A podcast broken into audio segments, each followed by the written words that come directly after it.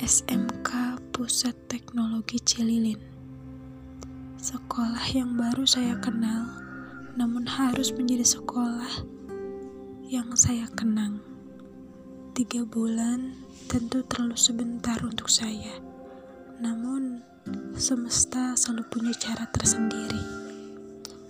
Teruntuk ibu kepala sekolah, saya ucapkan banyak terima kasih atas kesempatan yang telah diberikan. Terima kasih mengizinkan saya untuk ikut menggores cerita, warna dalam kanvas sekolah ini. Teruntuk Bapak Ibu Guru, terima kasih juga saya ucapkan atas segala dedikasi selama saya menjadi bagian dari sekolah ini. Bukan hanya perihal mengajar, tetapi juga perihal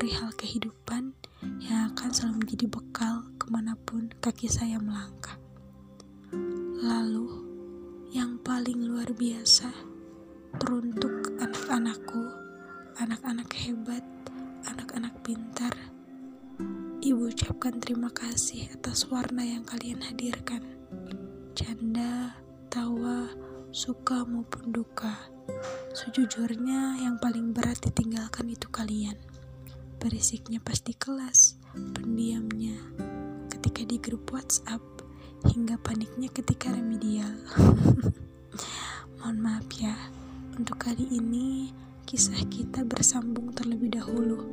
Semoga lain waktu kita dapat merajut kembali cerita dengan kisah yang lebih luar biasa.